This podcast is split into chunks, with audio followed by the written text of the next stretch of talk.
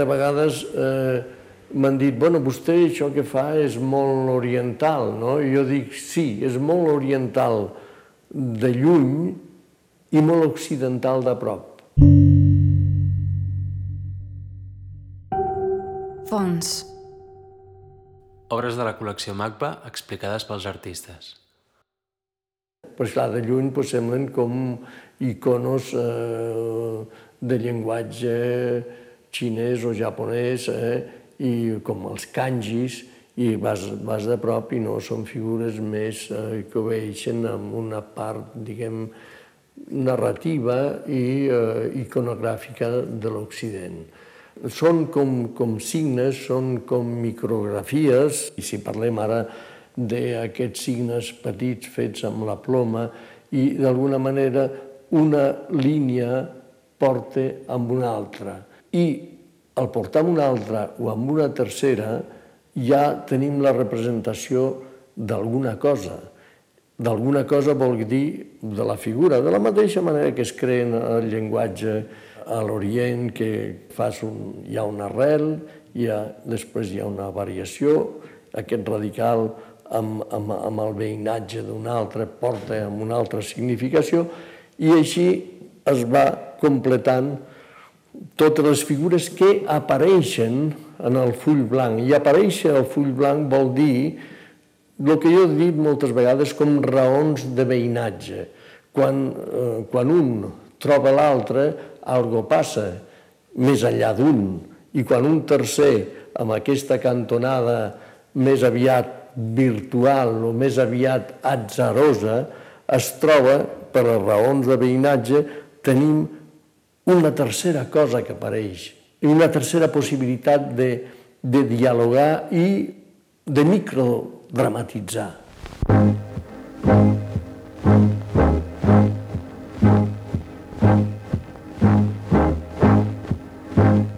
Benet Rossell. Uh, Obridor i Societat d'apuntadors és, és una petita obra, és un petit cartró que pertany a la col·lecció. També forma part del microteatre, que és un concepte molt ampli. Hi ha el, el, el teló, el teló, la cortina que abans se feia servir en el teatre, que tanca, que tanca diguem, l'obra i cau el taló o es tanca la cortina. Hi ha aquest concepte de, de que d'alguna manera l'obra eh, succeeix al propi taló. No hi ha més no hi ha més obra que el taló del teatre, ja ens podem tornar tots cap a casa. Eh?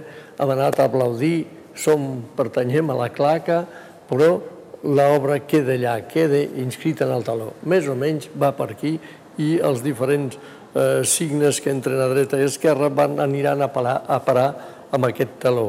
I eh, la societat d'apuntadors, que és l'altra vessant i l'altra cara, pues, eh, hi, ha més, hi, ha més, hi ha més dramatúrgia, hi ha més sofriment. D'alguna manera, doncs, eh, els, que, els que es parlen i no es miren estan, diguem, incidint amb, amb, la, amb la mínima expressió, diguem, amb, amb, amb presències que d'alguna manera poden combinar i articular l'obra. A les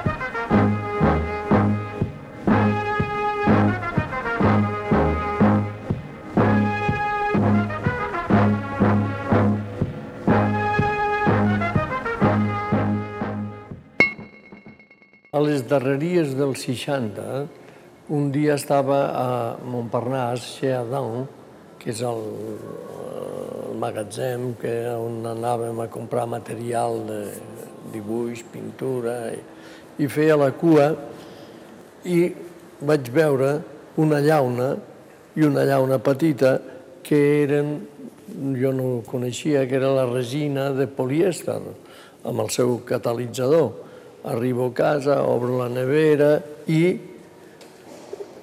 trec un motllo de glaçons i començo a experimentar en aquest sentit. I vaig veure que, esclar, amb el catalitzador, el líquid eh, esdevenia sòlid i començava a intervenir una primera inclusió, una intervenció artística, una altra inclusió per damunt, i així vaig anar, diguem, descobrint eh, tot un món, i aquest món era el, era el, el suport, per dir-ho així, de la meva pròpia vida o del, del, de l'anar fent i dels temes que em portava entre mans i un dibuix, un collage, una lletra, una lletra set, ser una mosca que passava per allà o que estava per allà. A poc a poc vaig anar eh, descobrint amb el temps de que era un suport magnífic per la meva pròpia expressió. De manera que els glaçons van conformar un, unes exposicions que feia eh, completament transportables o mòbils Eh, portava la gabardina i portava un mocador. Aquest mocador hi havia glaçons en diferents formes, eh, amb motllos eh, que trobava a la Samaritaine, i, i bé, i llavors bueno, doncs tenia aquesta, aquesta exposició transportable, obria el mocador i allà estava la microescultura o el, el gran glaçó, o diem, podem dir el que vulguem, i de manera que era un recorregut i aquesta exposició eh, transportable dintre la ciutat de París o, o mòbil d'una certa mobilitat em donava el mocador, la gabardina i l'exposició i la microescultura.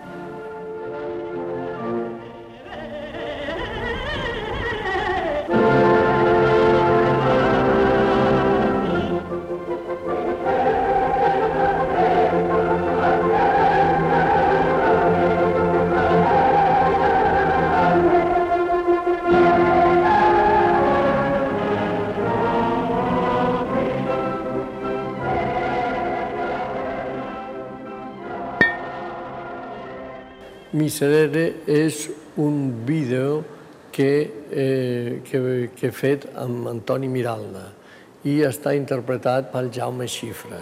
El vam presentar per primera vegada a, mm, a Berlín, a la Galeria Steiner de Berlín, que era l'únic centre que en aquella època hi havia a Berlín, de, era una galeria de vídeo eh, diguem, el senyor Steiner tenia un hotel i amb aquest hotel, en una habitació, van fer aquesta instal·lació eh, que, eh, mm, que hi havia una catifa del mur de Berlín, uns, uns, uns llits impossibles d'un malsomni, i el malsomni era el, el, el coixí que passava al vídeo.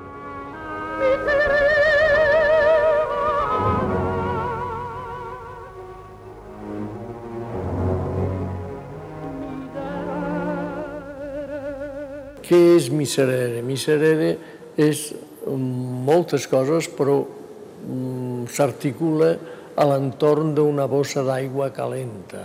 Aquesta bossa d'aigua calenta és una vaina de la Primera Guerra Mundial. Diguem, s'ha llançat la vaina, s'ha matat a molta gent i queda la vaina. I la vaina, els soldats que estaven patint molt de fred a les trinxeres, doncs eh, tapaven la vaina, feien un, una sortida, un forat, per, i posaven l'aigua calenta i amb, i amb aquesta bossa d'aigua calenta així mm, especial, doncs passaven menys fred. Eh? Aquesta, a la, a la, al Miserere veiem eh, dos bosses d'aigua calenta. Eh? Però una e, és també la història de tanta gent que va morir a, a Verdú, per exemple. És la història d'un poilu, eh? i el poilu és, és el soldat de la Primera Guerra Mundial, que fa poc que va morir l'últim d'ells, ja no en queden. I, doncs, mm, hi ha un poilu que es diu Monsieur Legendre, que és l'autèntic poilu, que explica la història de la, de, de la bossa d'aigua calenta, de la vaina, i hi ha un poilú eh, fictici, eh, no sé si dir impostor, o diguem o, que articula la impostura de la bossa d'aigua calenta.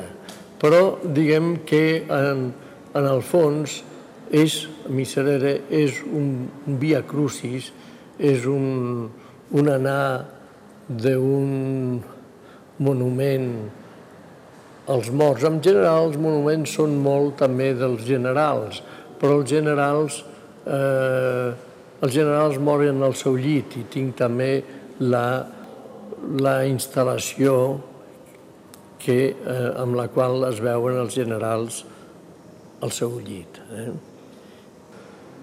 Miserera és el, el anar d'un monument a un altre i al anar d'un moment de patiment a un altre hi ha aquest via crucis i aquest cant del miserere que acompanya fins al final que, mm, que totes les, les, les sabates de, dels soldats que van morir a Verdú veiem també totes les tombes d'aquells soldats.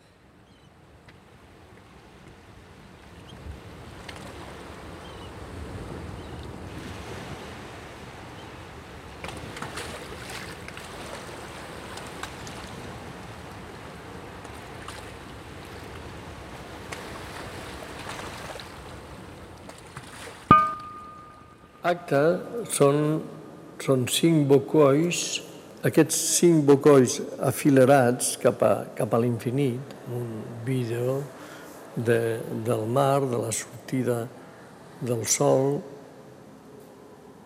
i del signe d'infinit hi ha aquest, amb aquells bocois a dintre i és tot, però físicament no hi ha res, només hi ha aquesta orientació de, de, de lo que és eteri que va cap a l'infinit. De manera que la, el recorregut de l'artista és això, en el fons és això. Per eh, reforçar-ho, per testimoniar-ho, per, per acompanyar-ho, hi han dues coses. Una, un acte notarial autèntica que sempre, eh, quan l'obra es traslada, quan hi ha un canvi d'espai, eh, requereix una mm, intervenció notarial amb, mitjançant un acte amb la qual l'artista explica el que hi ha dintre de cada bocoi. Esclar, I cada vegada que es traslada pues, eh, hi ha tota la vida de l'artista, tot el, el que ell, el, el, les propostes que l'artista ha fet, en aquest cas les meves propostes, i um, també a l'altra banda veiem com un personatge, una caixa de llum, que és un personatge i aquest personatge jo li he donat moltes vegades eh, entitat i acompanyament. Aquest personatge es diu lo rastrejador de racons.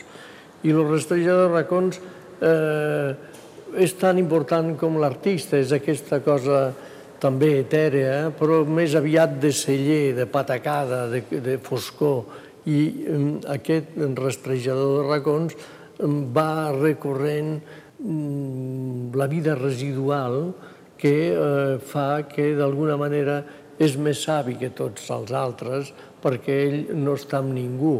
Eh? I el no està amb ningú, el, el rastrejador de racons, és el que ens diu que l'art és una cosa raconera, que l'art eh, no cal la grandiloquència i que l'art d'alguna manera viu amb aquesta foscor mm, poètica i amb aquest recorregut residual.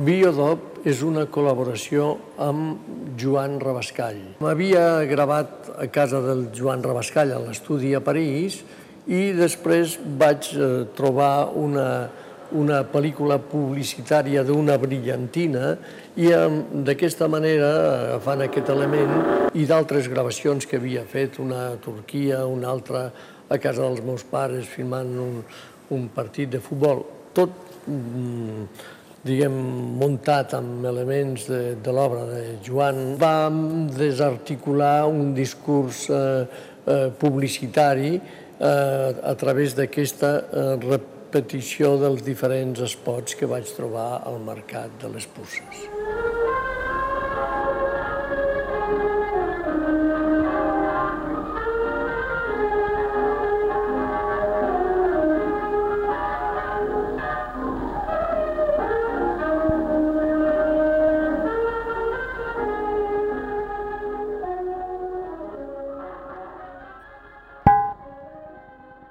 El vídeo ceremonials és un documental eh, seguint diferents eh, propostes de festes i de rituals que organitzaven eh, els amics, els dits, els catalans de París, eh, que eh, són els que organitzaven aquestes festes o rituals amb col·laboració, amb diferents propostes, amb diferents col·laboracions, entre elles, per exemple, coses que jo feia, o un calidoscopi, o unes, o unes mosques de plàstic, o diferents coses que s'integraven a les festes que ells realitzaven, que ells organitzaven.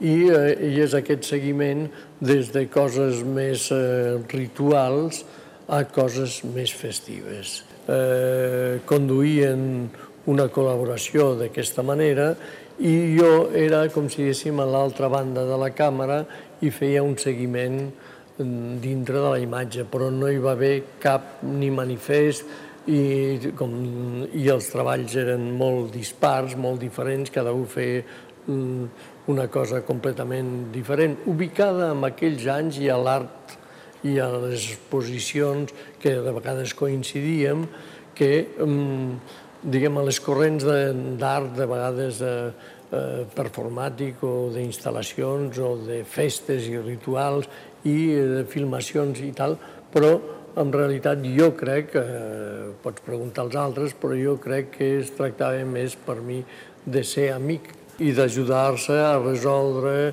dificultats o problemes o, o plantejaments artístics, a resoldre'ls, més que dir pues, que hi ha una idea d'un manifest o, o la voluntat, diguem, de, de definir una cosa fixa.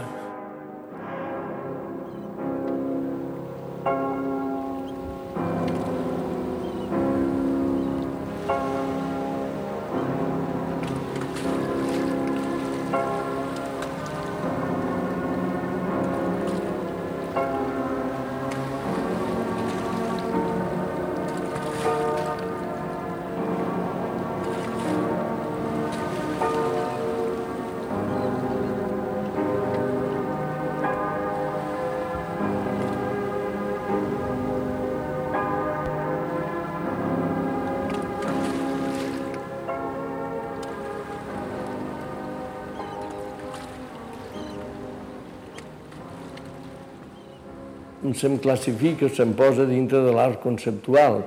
Les etiquetes artístiques serveixen per ubicar eh, treballs eh, en un context, en una generació, perquè l'art també té a veure amb, amb, amb, amb el context, amb la societat, amb la generació, amb el temps.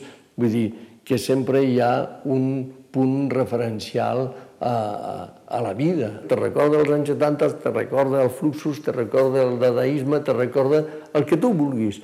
Però es fa en aquest moment i, i és una cosa que també recorda allò i recorda tot l'altre. Jo crec, no crec molt amb els ismes o amb les etiquetes, diguem, cada un eh, és un cas especial. Prefereixo que els conceptes ben definits els hi posen, els hi posi el codi de l'espectacle.